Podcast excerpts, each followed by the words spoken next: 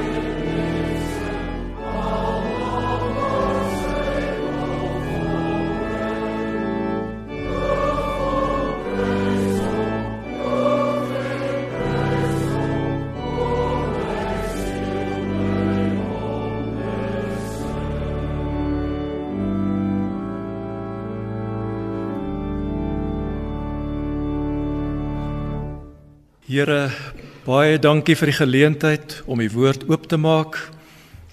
Dankie dat u met ons praat uit die woord. U wil so graag die brood vir ons breek en vir ons die lewende water kom gee. En daarom ontvang ons dit met oop harte. U is die Here van die lewe wat vir ons sorg tot in die fynste besonderhede. Dankie daarvoor. Amen. Broers en susters, ek wil vanmôre vir jou vra oor doen jy dit dalk by die werk? Jy is besig om te veel ure in te sit. Jy werk jou dood.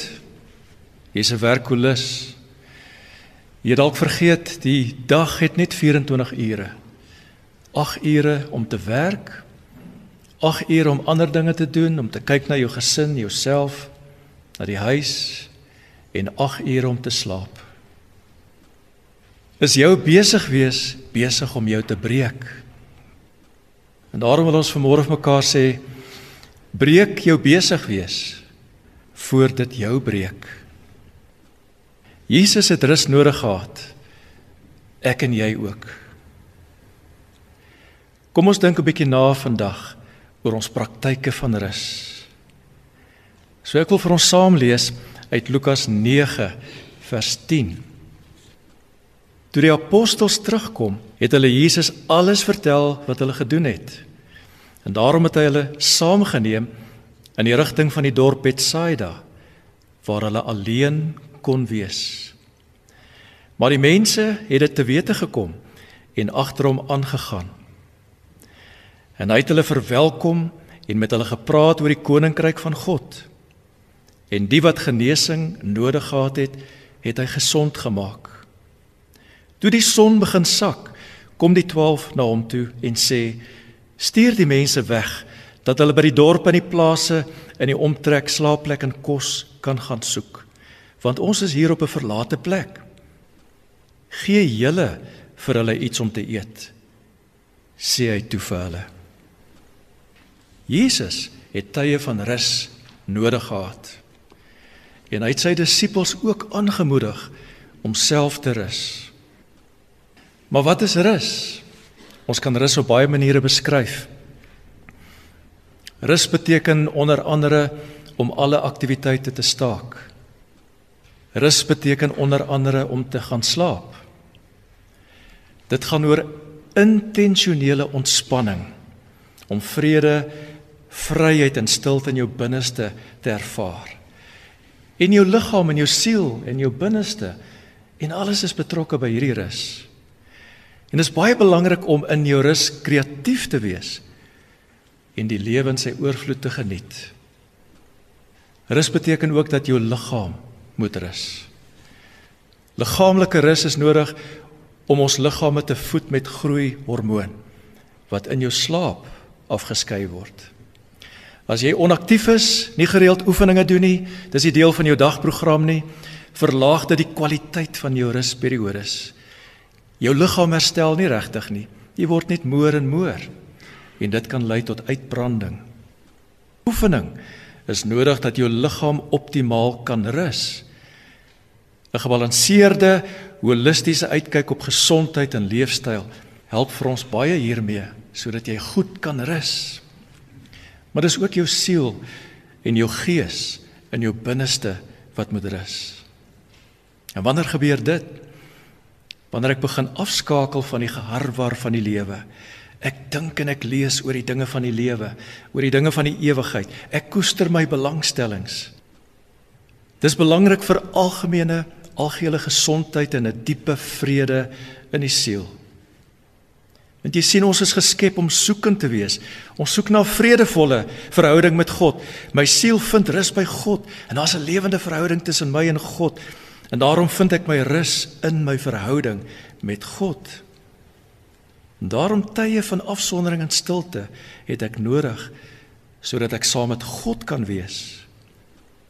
Want so belê ek in my bank van rus, nie 'n aardse bank met geld en al die dinge nie, maar my eie persoonlike bank van rus. My rusbank sodat ek later kan onttrek in tye van hoë aktiwiteit en spanning en genoeg stamina het krag nodig het vir volgende take, vir 'n volgende dag. Maar die vraag is, is rus regtig nodig?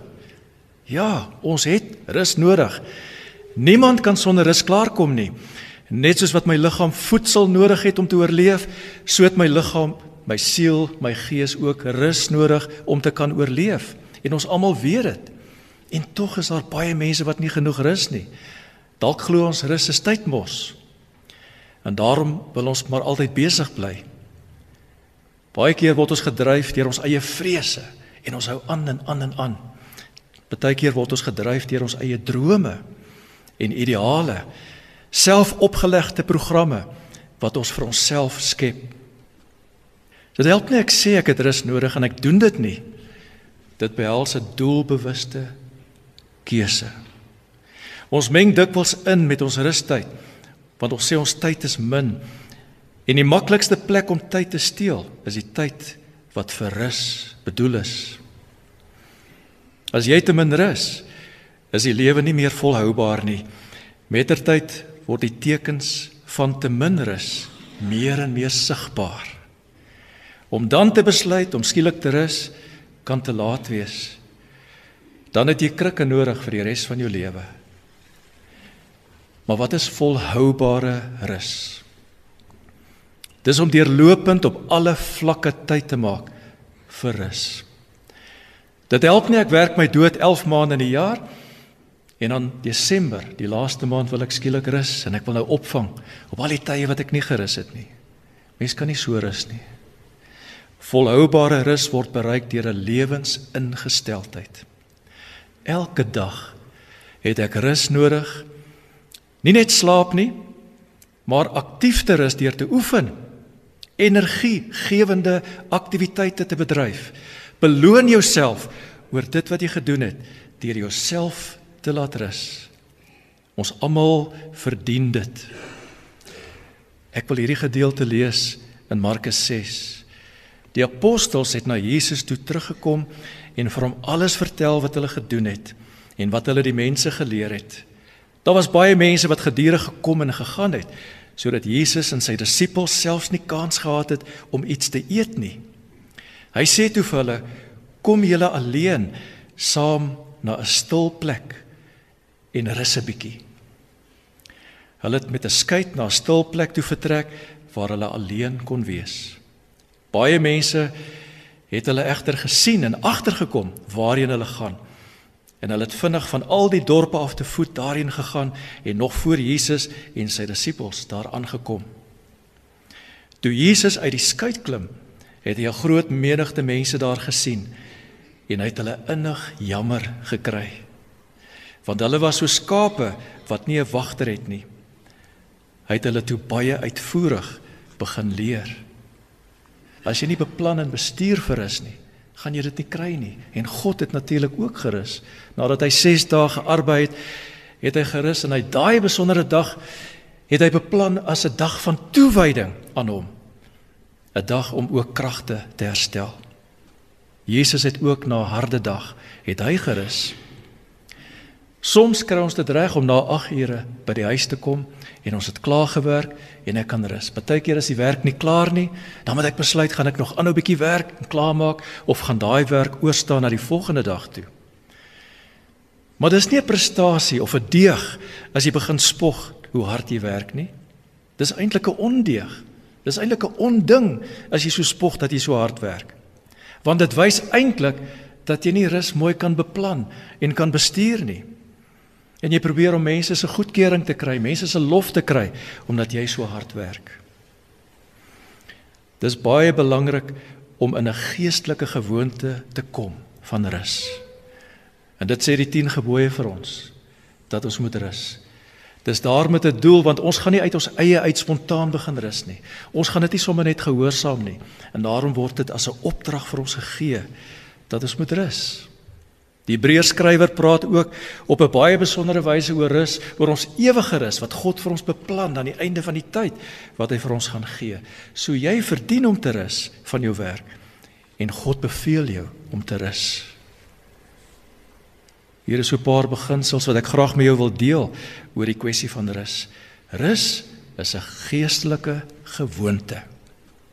Dis 'n dissipline wat jy moet aanneem in jou lewe. Want dit vra nogal baie baie dissipline van jou om alles net so te los en te fokus op die Here wat vir jou sorg. In daardie tyd verklaar jy aan God dat jy hom vertrou met alles in jou lewe, al jou doen en late. Jy laat dit alles aan hom oor. Jy kom soos 'n klein kindjie na sy moeder kom, klim op die skoot van die moeder en vind rus en vrede by sy moeder.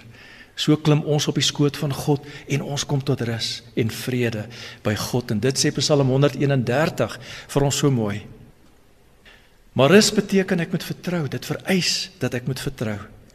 Want ons is so vasgevang in die gedagte dat my werk en my salaris alles vir my gaan doen, gaan sorg vir alles in my lewe. En daarom vra dit vertrou op die Here dat my rustydjie vir my baie meer gaan betaal as my salaris. My rustydjie is baie belangrik. So ek word stil en ek glo dat ek krag en moed en inspirasie en kreatiwiteit sal ontvang om my gereed te maak vir die take wat voorlê. Om af te skakel, vra vertroue in die Here. Rus is ook 'n kuns. Om te rus en af te skakel van jou werk is 'n geestelike dissipline waarin ek my losmaak van al die emosionele bande wat ek het met my werk. En dit moet ek daadwerklik begin doen. Ek moet beplan daarvoor. Ek moet die reëls neerlê. Ek moet iets intentioneel begin doen. Dalk iets te doen met 'n stukkie hout of 'n meubelstuk te verf of te gaan stap of 'n CD te luister of wat ook al. Want ons moet die kuns bemeester om te ontspan en te rus. Rus beteken nie algehele staking van alles nie. Om die hele dag net niks te doen nie of die hele dag net in 'n hangmat te lê nie. Nee. Dis om weg te stap van die bedrywighede van elke dag. Want jou werk is nie jou lewe nie. Jou werk is nie jou God nie. Jou werk is nie jou identiteit nie. Jou werk is nie jou enigste hoop nie. Jesus is jou hoop. Jesus is jou lewe. Soms beteken rus wel 'n algehele afskaling van jou aktiwiteite waarvoor jy baie keer onnodig ja sê. As jy aanhoudend dag en nag in beweging is met wat jy normaalweg doen, dan moet jy afskaal. Die ritme van jou gejaagdheid verbreek. Jy skaal af van die dinge wat jy normaalweg doen.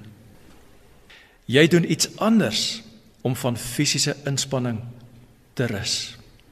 En so vind jou liggaam en siel ware rus by God.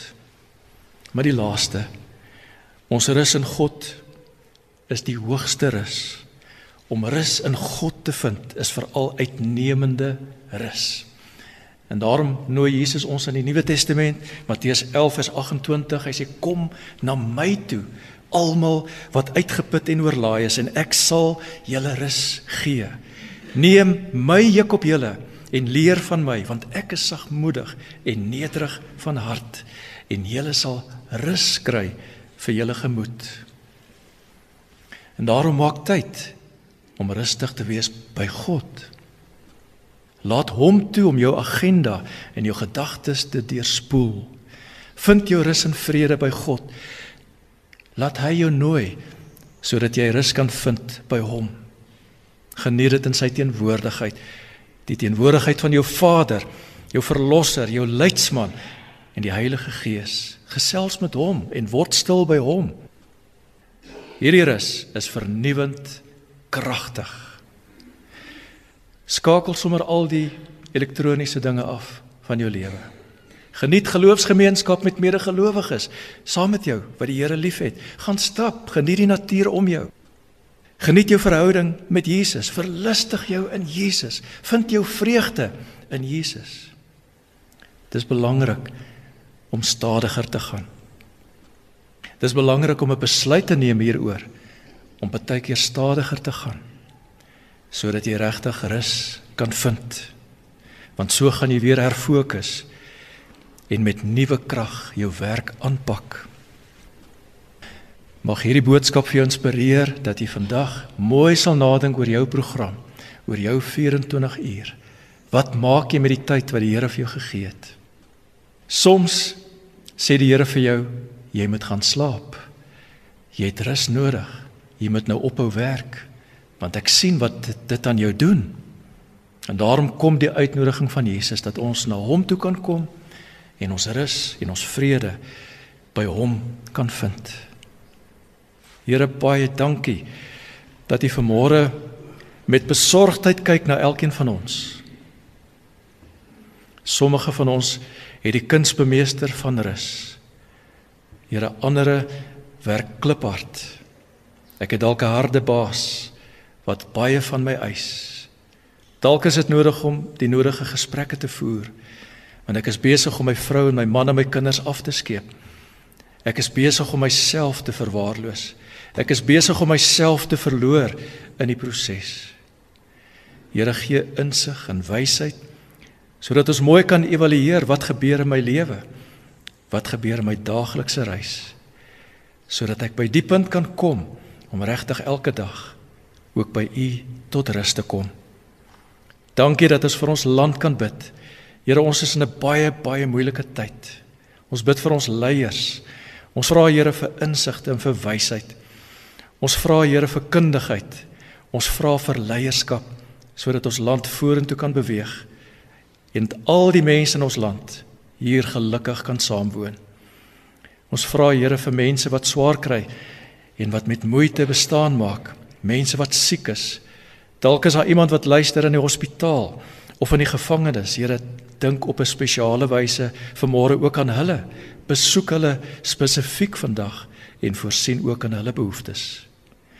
En so wil ons onsself maar net vanmôre in die hande kom plaas en vir U dankie sê dat ons 'n groot en 'n lewende God aanbid, ons Vader wat in die hemel is. Dankie daarvoor. En ons bid dit alles in Jesus se naam. Amen. Ons gaan nou afsluit met ons laaste lied, 'n baie bekende lied. Kom ons sing lekker saam.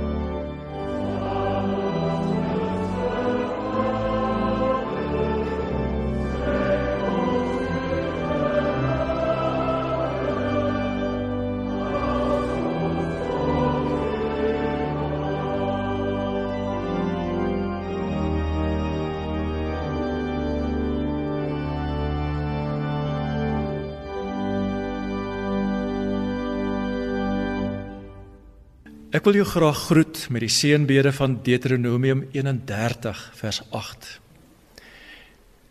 Die Here sal voor jou uitgaan. Hy sal by jou wees. Hy sal jou nie in die steek laat nie en jou nie alleen laat nie.